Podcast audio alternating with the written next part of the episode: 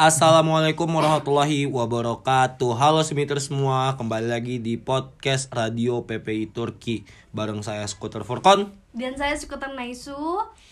Dan kali ini Oh ya sebelum mulai kita eh, slogan dulu kali Ya ya bener banget slogannya. Satu, Dua, dua, tiga. tiga. Radio PPI Turki Bersatu Bersatu untuk untuk menginspirasi Eh, teman-teman semua, semiter-semiter semua apa kabar nih? Gimana eh, rasanya bute? Bute gak tuh? Bute. Biasanya kan sekarang udah final exam gak sih? iya. Nah, aku mau nanya dulu nih sebelum kita masuk ke topik hari ini. Nah, gimana nih final exam uh, Skuter Furkon? Alhamdulillah untuk eh, finalnya semoga yang terbaik ya karena tadi barusan dicek belum keluar juga nih skuter Neisu. Kalau skuter Neisu sendiri gimana nih? Skuter Naisu alhamdulillah uh, tahun ini lumayan bagus gitu Hmm. kan karena sempat gitu kan sempat ada pelajaran yang ngulang gitu pelajaran ekonomi dan alhamdulillah tahun ini udah lulus Alhamdulillah. Berarti sekarang skuter Neisu udah udah libur ya, udah masuk libur ya? Alhamdulillah udah libur sih gitu. Asik. Rencananya mau ke mana nih skuter Neisu?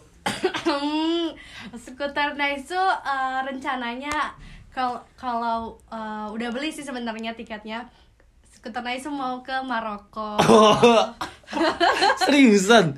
eh beneran Oh iya. iya Oh iya. Oh ternyata skuter Neisu pengen ke Maroko. Oh iya skuter Neisu sebelum kita memasuki tema kita Hmm, apa tuh? eh, yang oh iya eh, tema Tuh, tuh, tuh, tuh. Oke, oke, oke. kita jadi kayak bertabrakan gitu Iya, ya bertabrakan skuter ya. Nah, kan tadi skuter Purkon uh, udah nanya ini kegiatan mau apa saja yang bakal dilakuin skuter Naisu. Nah, kalau kegiatan yang bakal dilakuin skuter Purkon selama liburan tuh apa aja sih? yang jelas tidur ya. saya bakal puas-puasin tidur saya sampai jam 4 jam 5 siang karena selama ini skuter Furkon bangun pagi terus kecubuk jauh banget gitu. Jadi kali ini kayak bakal puas-puasin tidur sih skuter Neisu. Masya Allah. Oh iya, skuter Purkon. Kalau bahas tentang tidur ya, kayaknya bisa banget ya. Kayak mengenai tentang kebebasan. Bebas banget ya. Iya. Eh. Jadi eh, tema kita kali ini apa nih skuter Neisu? Apa arti kebebasan? Kebebasan. Nah, kalau mood uh, kita berdua ya, daripada yang ngomong kita berdua aja gitu, mendingan kita ngundang para narasumber kita Iya nggak sih? bener banget yang narasumber kita ini eh, sangat tahu betul apa arti kebebasan itu sendiri. Oh ya kebetulan eh, narasumbernya udah hadir di depan kita. Yang pertama boleh perkenalkan Halo, nama saya Avino, umur saya 20 tahun. Saya berasal dari Ankara Yıldırım Beyazıt University. Maksudnya saya berkuliah di sana. Di situ saja. Oke berarti eh, kita manggilnya apa nih? Kalau Avino Putra atau gimana? S- panggil saya Avino juga nggak apa-apa. Avino, Uh, Avin. Aja nggak apa-apa, Vino juga nggak apa-apa. Terserah yang mana yang nyamannya Kak Naisu dan Bang Furkon Oke. memanggil saya. Oke, oke. Oh iya, Kakak Vino nih, udah tahun keberapa nih di Ankara ini? Oh, kalau buat kedatangan saya tahun 2021. Hmm, Tapi kalau buat belajarnya karena kemarin Tomer kan, sekarang saya baru masuk semester 1 dan baru kelar. Alhamdulillahnya ya, mm, ujian saya itu semuanya tidak lulus kecuali bahasa Inggris. Allah. Tadi gue boleh ketawa. Tidak apa-apa, tidak apa-apa karena udah expect banget karena saya tuh expect banget pasti bahasa Inggris lulus nih. Kalau yang lain bodo amat. gitu. Tapi beneran tidak lulus semua. Bercanda, bercanda, bercanda karena Oh, Uh, buat informasi aja OBS saya ditutup Lah, Karena kenapa? belum ngasih surat Kesehatan. kesehatan Oh. makanya saya dari VZ sampai sekarang belum pernah ngeliat nilai Oh. Gitu. Maka saran saran dari saya adalah cepat-cepat ke rumah sakit. iya insyaallah kak mungkin as soon as possible lah ya As soon as possible. Nah, dari kita ketahui nih ya, dari cara ngomong Apino bebas banget bebas gak sih? banget dia dia orangnya paling bebas Turki iya saya tuh saya ngerasa kayak apa saya sendiri sih yang bebas rupanya saya ngerasa kayak nggak ada orang lain gitu yang bebas kecuali saya makanya saya kayaknya pantas banget deh diundang di sini apalagi tadi menyinggung soal tidur ya buat ini buat informasi buat informasi aja nih buat abang-abang dan kakak-kakak yang lagi mendengarkan Ah, eh, tadi kan ada acara debat ya di Ankara ya. Hmm, ya itu bener-bener banget. Saya tadi nggak ikut, mohon Oh. maaf. Karena? Karena saya tadi tidur jam 5 su- subuh, baru tidur jam 5 subuh dan baru bangun jam 5 sore tuh kebetulan. Iya. Makanya saya yang tidak ikut. Nah, itu pas banget deh pokoknya. Bebas dan tidur itu saya banget. Pokoknya kalian harus ngundang saya gitu tentang bebas dan tidur ini. Oke nih, eh, kayaknya eh Kak Vino ini sangat mengetahui arti kebebasan itu sendiri ya. Menurut eh, Kak Vino nih, eh, makna dari kebebasan itu apa sih Kak? Ah, makasih Bang Furkon udah bertanya. Tapi mohon maaf nih, kalau misalnya paling tahu soal kebebasan saya kayaknya enggak ya. Tapi saya kayak pengen sharing aja kebebasan yang ada di otak saya aja gitu. Menurut saya bebas itu adalah ketika kita dihadapi dua pilihan bang. Dan Hmm, apa karena tuh? itu, Apa tuh? misalnya nih kita tuh ah, dikasih satu pilihan itu namanya nggak bebas menurut saya karena Hmm. kita kasih contoh misalnya kamu mau kuliah di Turki atau kuliah di Indonesia berarti itu ada dua pilihan dong Hmm. ketika kita uh, minimalis lagi jadi satu pilihan kamu mau kuliah di Turki nggak itu kan kayak cuma satu pilihannya ya Hmm. kayak kamu harus pil- kuliah di Turki gitu karena tidak ada pilihan lain sekalian kuliah di Turki makanya itu menurut saya itu nggak bebas Hmm. maka dari itu kebebasan itu dihad- ketika kita dihadapi lebih dari satu pilihan gitu Oh begitu. Nah, kalau menurut Kak Furkon nih ya, Eh, gimana arti kak? kebebasan menurut Kak Furkon tuh apa sih?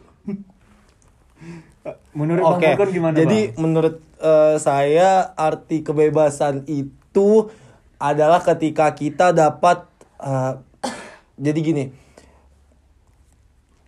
Oh mungkin gini ya kalau misalnya arti kebebasan itu menurut Bang Furkon karena saya tuh kenal banget sama Bang Furkon. Orangnya bebas banget. Mungkin beliau ini bisa dibilang salah satu orang yang bebas berekspresi. Hmm. Lihat aja misalnya kayak di ke KBRI gitu kalau di mana tempat formal, saya ngelihat orang tuh semua pakai celana bahan. Sedangkan beliau memakai celana robek-robek.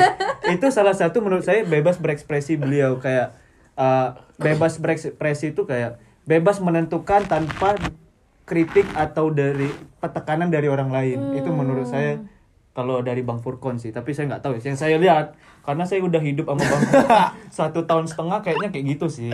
Eh, jadi menurut aku nih skuter Naisu kebebasan itu ketika seseorang bisa menunjukkan siapa jati diri dia sebenarnya tanpa harus menutupi eh, apa pun itu.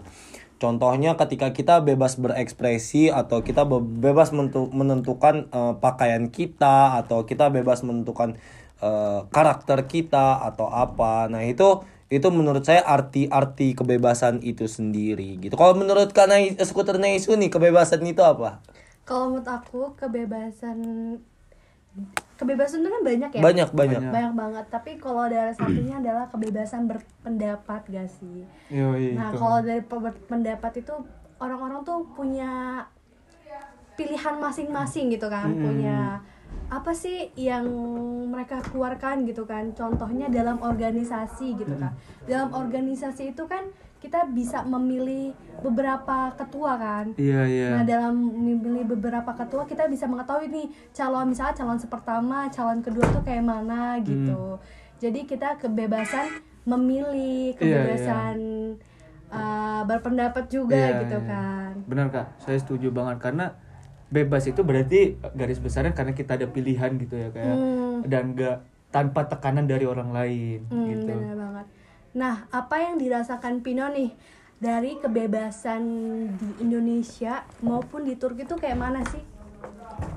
Menurut saya kalau misalnya kebebasan ber- uh, kebebasan ini general ya, kebebasan di Turki dan kebebasan di Indo.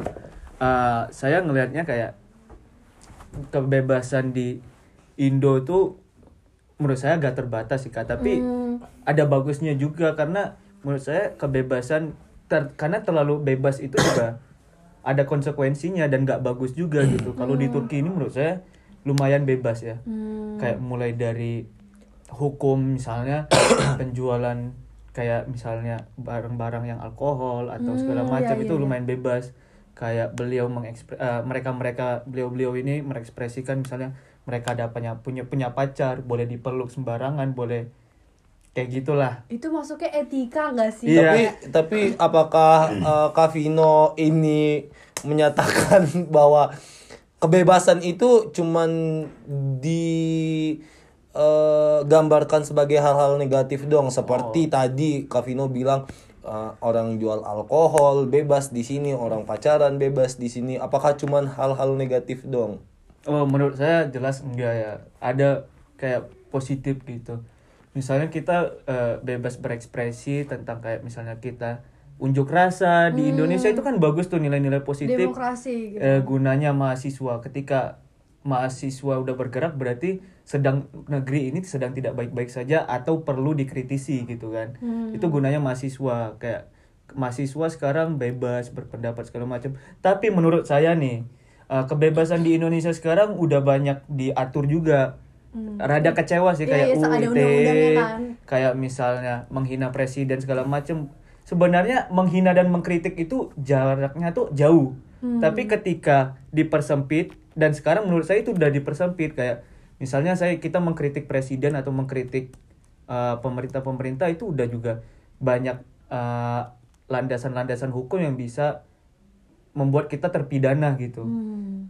Tapi menurut saya bebas di bebas itu nggak selalunya negatif, harus pasti ada positifnya lah gitu. Nah, dalam sisi positifnya tuh contohnya tuh Contohnya apa aja Apa nih? tuh? Apa nih? Buat di Indonesia dan di Turki. Iya, boleh, boleh.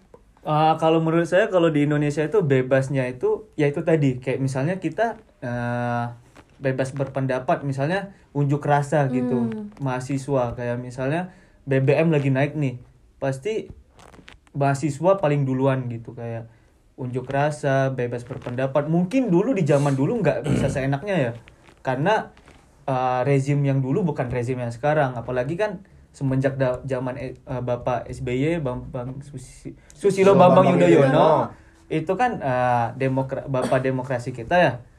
Dan di situ awal mula menurut saya awal mula kebebasan kita sih berpendapat. Karena pemimpin itu butuh juga suara dari rakyat karena sejatinya negara itu adalah anak dari rakyat itu sendiri gitu rakyat apa negara terbuat dari adanya rakyat juga gitu nyambung nggak Nyambung, nyambung. nyambung banget lah pastilah Alvino Kalau gitu. untuk contoh di Turkinya bagaimana Kavino? Kebebasan bertem- eh, berpendapat atau kebebasan berekspresi dan segala macam. Oh, kalau kalau itu sih saya kurang tahu ya karena eh, saya sendiri di Turki baru satu setengah tahun gitu. Ya tapi yang saya lihat tadi yang kayak sebelumnya saya jelasin sebelumnya kebebasan-kebebasan di Turki itu dari mulai kita nggak tahu ya. Saya ngerasanya saya bebas aja di sini. Kita cara berpakaian kita, cara kita eh, nggak ada yang ngejudge lah gitu kayak kalau di Indonesia agak lumayan ya karena kita ter apa namanya terbatas karena ada norma-norma kesusilaan sopan santun norma Etika. agama kayak gitu kan di Indonesia sangat kental lah ya karena ada ide- adat istiadat dan norma itu sendiri. Tapi kalau di Turki lumayan uh, apa namanya orang-orang tuh nggak peduli sama yang kita lakuin. Menurut saya kayak gitu ya yang saya pengalaman saya. Kalau misalnya nih uh, saya memakai baju tertentu gitu.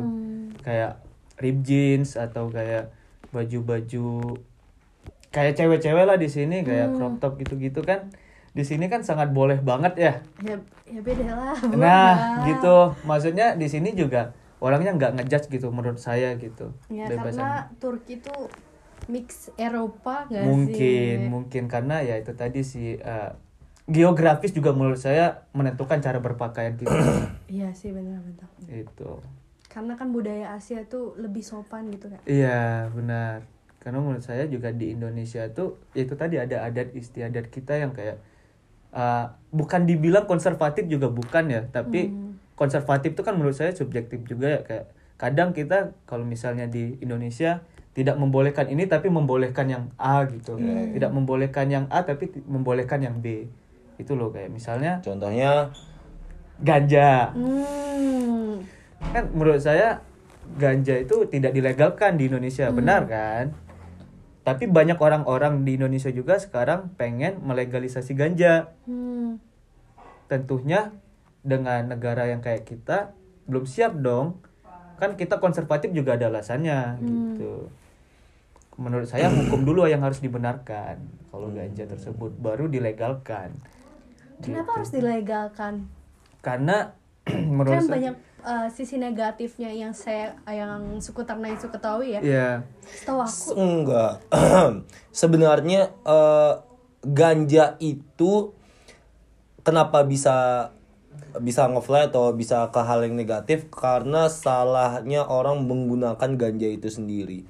Ganja itu bisa jadi obat kanker.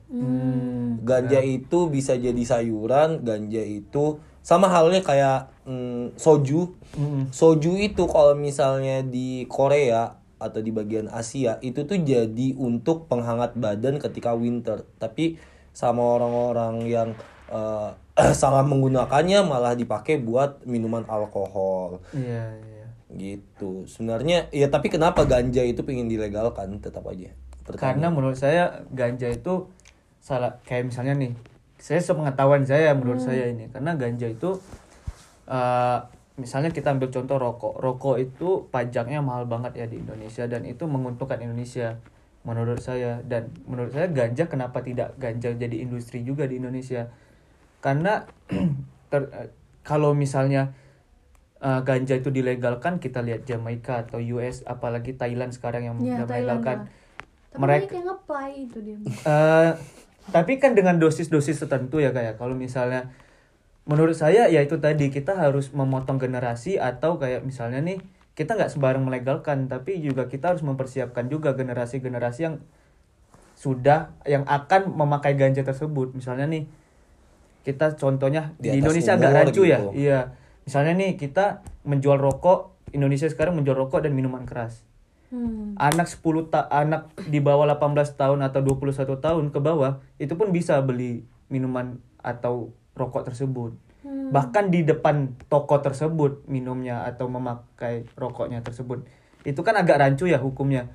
Karena di situ udah jelas bahwa rokok itu gak bisa dijual di bawah di bawah berapa tahun gitu gitulah. Itu kan sebenarnya harusnya hukumnya dulu dan di setahu saya di Amerika pun kayak Wiz Khalifa gitu artis-artis influencernya. Snoop Dogg. Yoi itu dia ada namanya dosis-dosis tertentu gitu loh. Nggak sembarangan kayak ngejual gitu ada pasti pertanggungjawabannya. Gitu. Oh iya, eh, kita kan lagi ngebahas tentang kebebasan nih skuternya isu. Hmm. Kayaknya kalau misalnya kita nggak ngebahas tentang hal-hal yang lebih kayak LGBT atau Ah, benar-benar banget. kayaknya kurang dah. Dan kebetulan narasumber kita kali ini mm, sangat ahli di bidang itu juga. Dia- Aduh. pengetahuan dia banyak tentang hal itu. Iya nih bener banget kan, apalagi marak banget. kok bener banget sih kak masalahnya saya bukan LGBT tapi saya mungkin agak concern di hal-hal itu Iya mungkin kan gitu kan karena sekarang banyak banget nih topik LGBT bertebaran di mana apalagi kan di Indonesia merupakan hal sensitif gitu kan. Iya. Iya iya benar banget benar banget. Nah menurut eh Kavino sendiri nih orang-orang yang eh, men eh, apa ya mendeskripsikan dirinya sebagai gay atau lesbi atau transgender yang segala macam itu gimana? Itu kan dia kan ber- eh, apa ya bebas berekspresi ya. Nah yang hal-hal seperti itu menurut Kavino sendiri gimana? Jadi gini ya sebelum saya menjawab pertanyaan-pertanyaan skuter Naisu dan skuter Furkon, saya uh, sebenarnya tidak terlalu tahu sama LGBT ini, tapi saya lumayan kayak ngikutin beberapa lah gitu. Sebenarnya orang-orang yang merupakan ini menurut saya penyakit ya, apalagi mohon maaf nih saya ngebuka aib kayak sekolah-sekolah saya yang dulu. Gitu. Eh, mungkin nih itu penyakit menurut saya. Ketika saya dulu pernah saya dulu pondok kak Hmm, Hmm, pondok ya. pesantren. Nah Ah. gitu. Saya nggak mungkin nyebutin mereknya kan tapi nah, saya saya ngerasa ada teman-teman saya bilang kayak eh kalau misalnya kita ini kan desas-desusnya aja ya kayak, Hmm. udah lebih dari tiga bulan kita nggak ngeliat cewek kita tuh pasti kayak ngeluarin nafsu kita tuh ke cowok gitu kan ke lawan jenis. Karena yang notabene-nya pondok saya itu cowok semua gitu loh nggak ada cewek. Paling ibu dapur gitu tapi ya itu tadi kan itu menurut saya penyakit. Dan sebenarnya itu hal yang salah sih. Hmm. gitu. Tapi menurut agama saya. Tapi gini loh kak eh, ketika orang salah itu kita hakimin kan kita juga belum tentu benar juga ya. Hmm, benar-benar. Eh, kalau misalnya kalau misalnya kayak gini. Ada orang yang kayak out of nowhere gitu kayak strangers gitu terus tiba-tiba kita bilang kok lu ini sih apa namanya nggak ngebantah sih hal itu? Misalnya ini nggak boleh segala macem kita ngelarang nggak gini-gini. Sebenarnya kita juga bisa apa gitu loh. Menurut saya manusia itu bisanya cuma ngehandle apa yang dia bisa hand memikirkan apa yang dia bisa handle yang bisa dia lakukan dan kayak acuh terhadap yang nggak usah dia karena terlalu banyak yang kita pikirkan yang tidak bisa kita handle itu membuat stres menurut saya. Hmm. makanya kayak kita tuh bukan lebih ke nggak peduli tapi kayak namanya kita nggak bisa ngehandle orang-orang di luar sana yang kayak berpendapat bahwa LGBT ini gimana gimana. Ya udah gitu loh kita lepas aja. Yang terpenting kita nggak mendukung ya. Gitu loh ngerti nggak? Paham paham paham. Dan sekarang juga banyak juga uh, kayak mereka tuh mengekspresikan diri mereka gitu. Contohnya ke YouTube gitu. Hmm. apalagi di, di Indonesia tuh aku pernah lihat beberapa kali nonton videonya kayak daily vlog gitu cewek sama cewek gitu kan. Terus sama itu cowok sama cowok bahkan ya sekarang sekarang itu yang lagi booming itu ada dating show LGBT gitu. Hmm. kayak wow. Ada. ah, ada ada. Di mana tuh kak? Eh, di Korea. Oh di Oh, Korea, Iya, Hmm. Terus, sebenarnya kalau di Korea itu kan merupakan hal yang tabu gitu kan. Iya. sama kayak seperti hal yang di Indonesia gitu kan tapi eh, agak kaget gitu kan pas pertama kali mereka menayangkan gitu kan dating show Hmm. eh, menunjukkan ekspresi mereka LGBT jadi lagi booming cewek sama cewek. Tuh.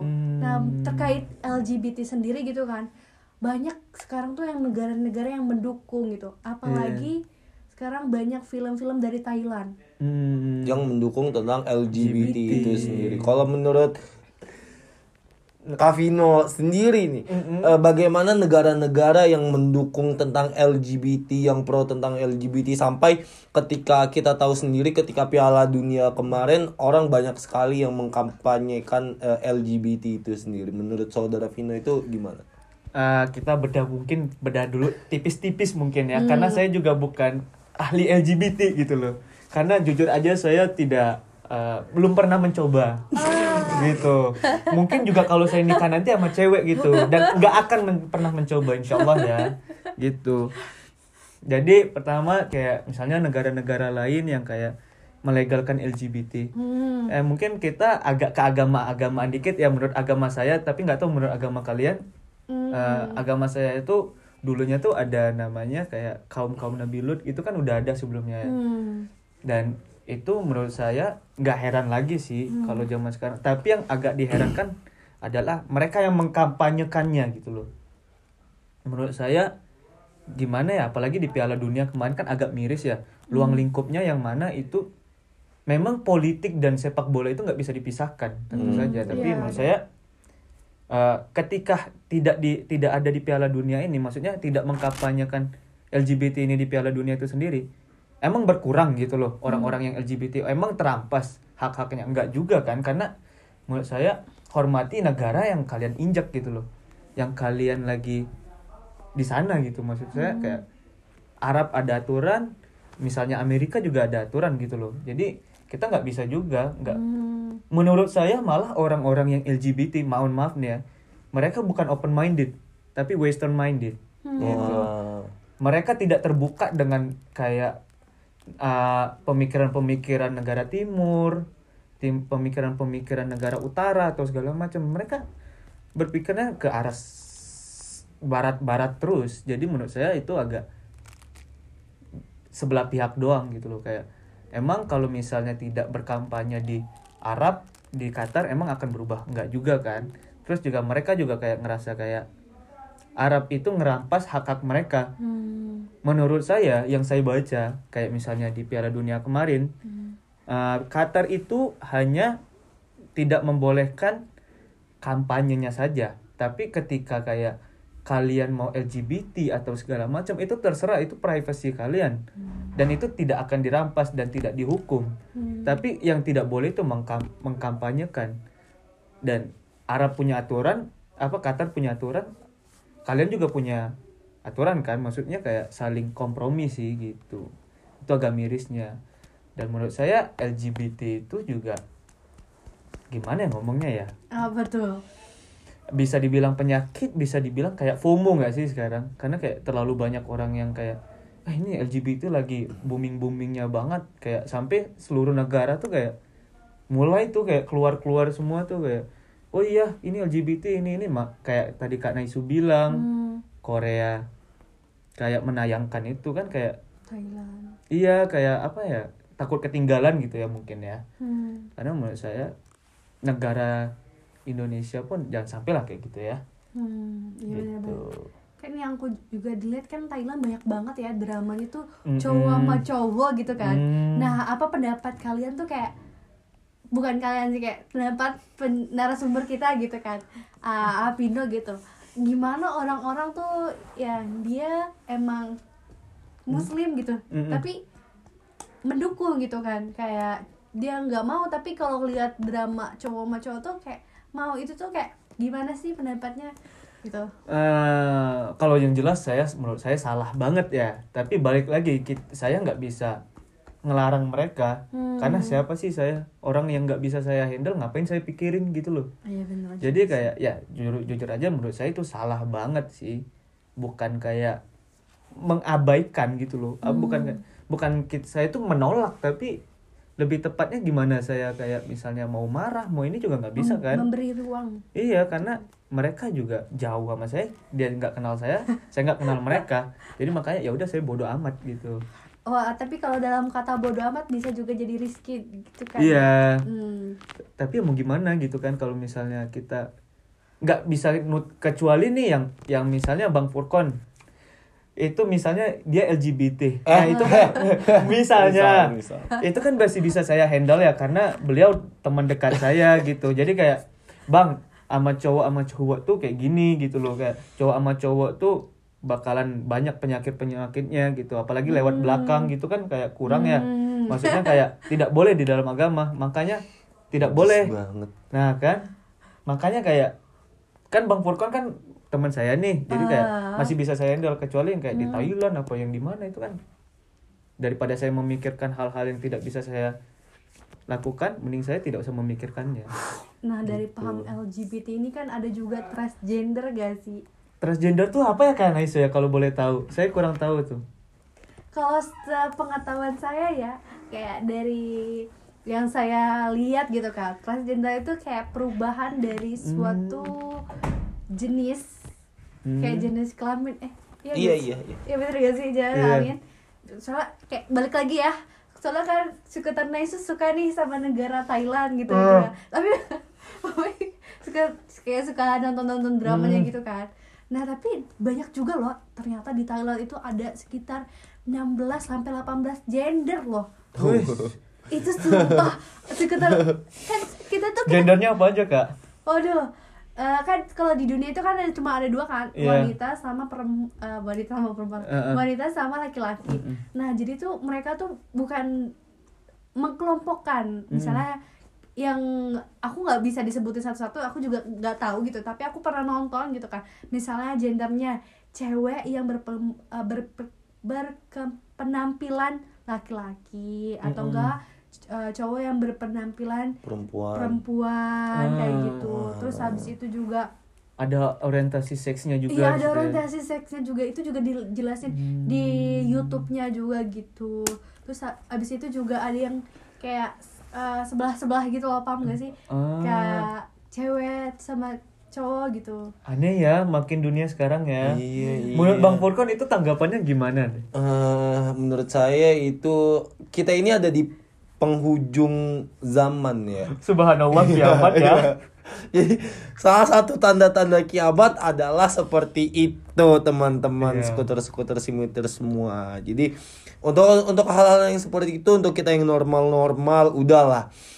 Yang perempuan suka sama laki-laki, yang laki-laki suka sama perempuan itu udah udah cukup dah. Eh tapi ada lagi nih, Apa baru itu? kepikiran nih. Kemarin tuh ada namanya kalau nggak salah saya tuh ada dapat pertanyaan dari teman saya apa tuh Ten- eh, mungkin beliau juga dapatnya dari eh, influencer-influencer ya yang bilang Ah. kayak tentang Qatar kemarin yang tidak membolehkan LGBT, LGBT kampanye. Ah. dan tentang Jerman misalnya misalnya di Oh, iya, Jerman atau di Amerika yang tidak membolehkan eh, mungkin di Prancis ya Hmm. yang tidak boleh membole tidak tidak membolehkan wanita yang berhijab Hmm. Hmm, oh iya, ya iya. itu gimana menurut kalian coba pembahasannya dimulai nih dari sekarang ah yang mana nih yang Iya, mana dulu eh, ini ada dua ada sat- ada dua kasus tapi satu korelasi itu gimana tuh maksudnya kayak ya, berarti nggak misalnya nih LGBT ditolak nih di negara-negara Arab gitu di negara-negara Timur berarti sah sah aja dong negara-negara Barat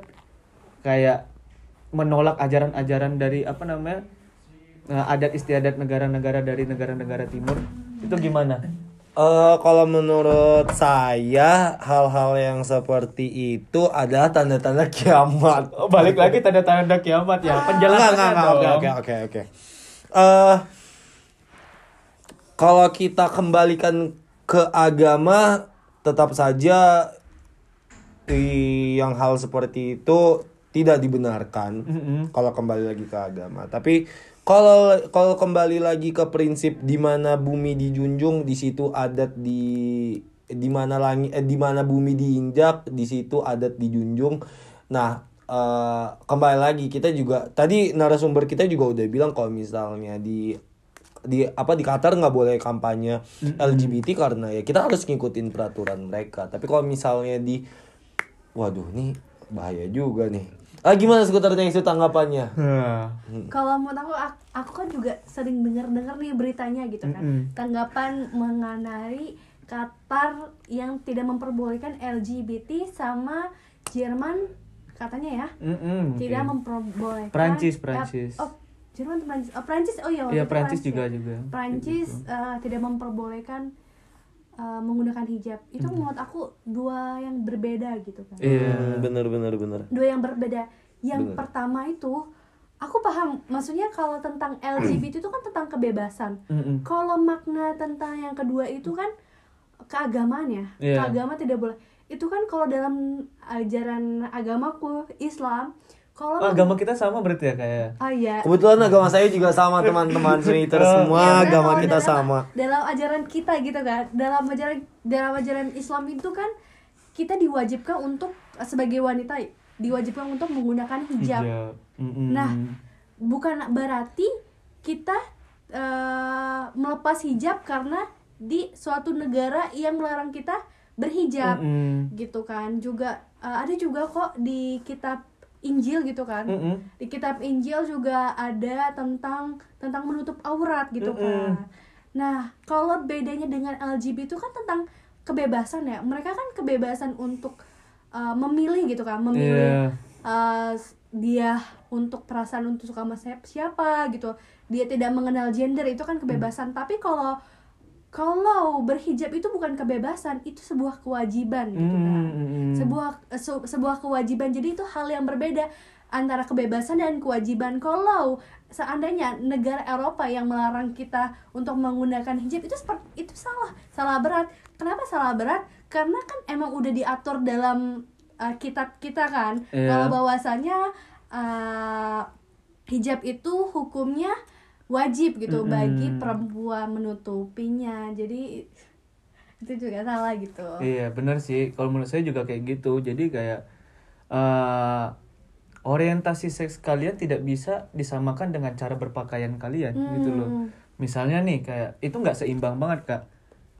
Karena menurut saya orientasi seks itu nggak bisa disamain dengan kayak case-nya yang di Prancis itu Hmm. gitu loh. Karena ini kan apa ya cara Arab eh, di Qatar juga tidak pernah kayak eh, menganjurkan kakak pakai jilbab segala macam. Enggak kan? Kayak Qatar juga nggak pernah ngelarang kakak nggak pakai celana yang kayak mini rok mini apa segala macam. Qatar cuma tidak membolehkan kampanye di situ.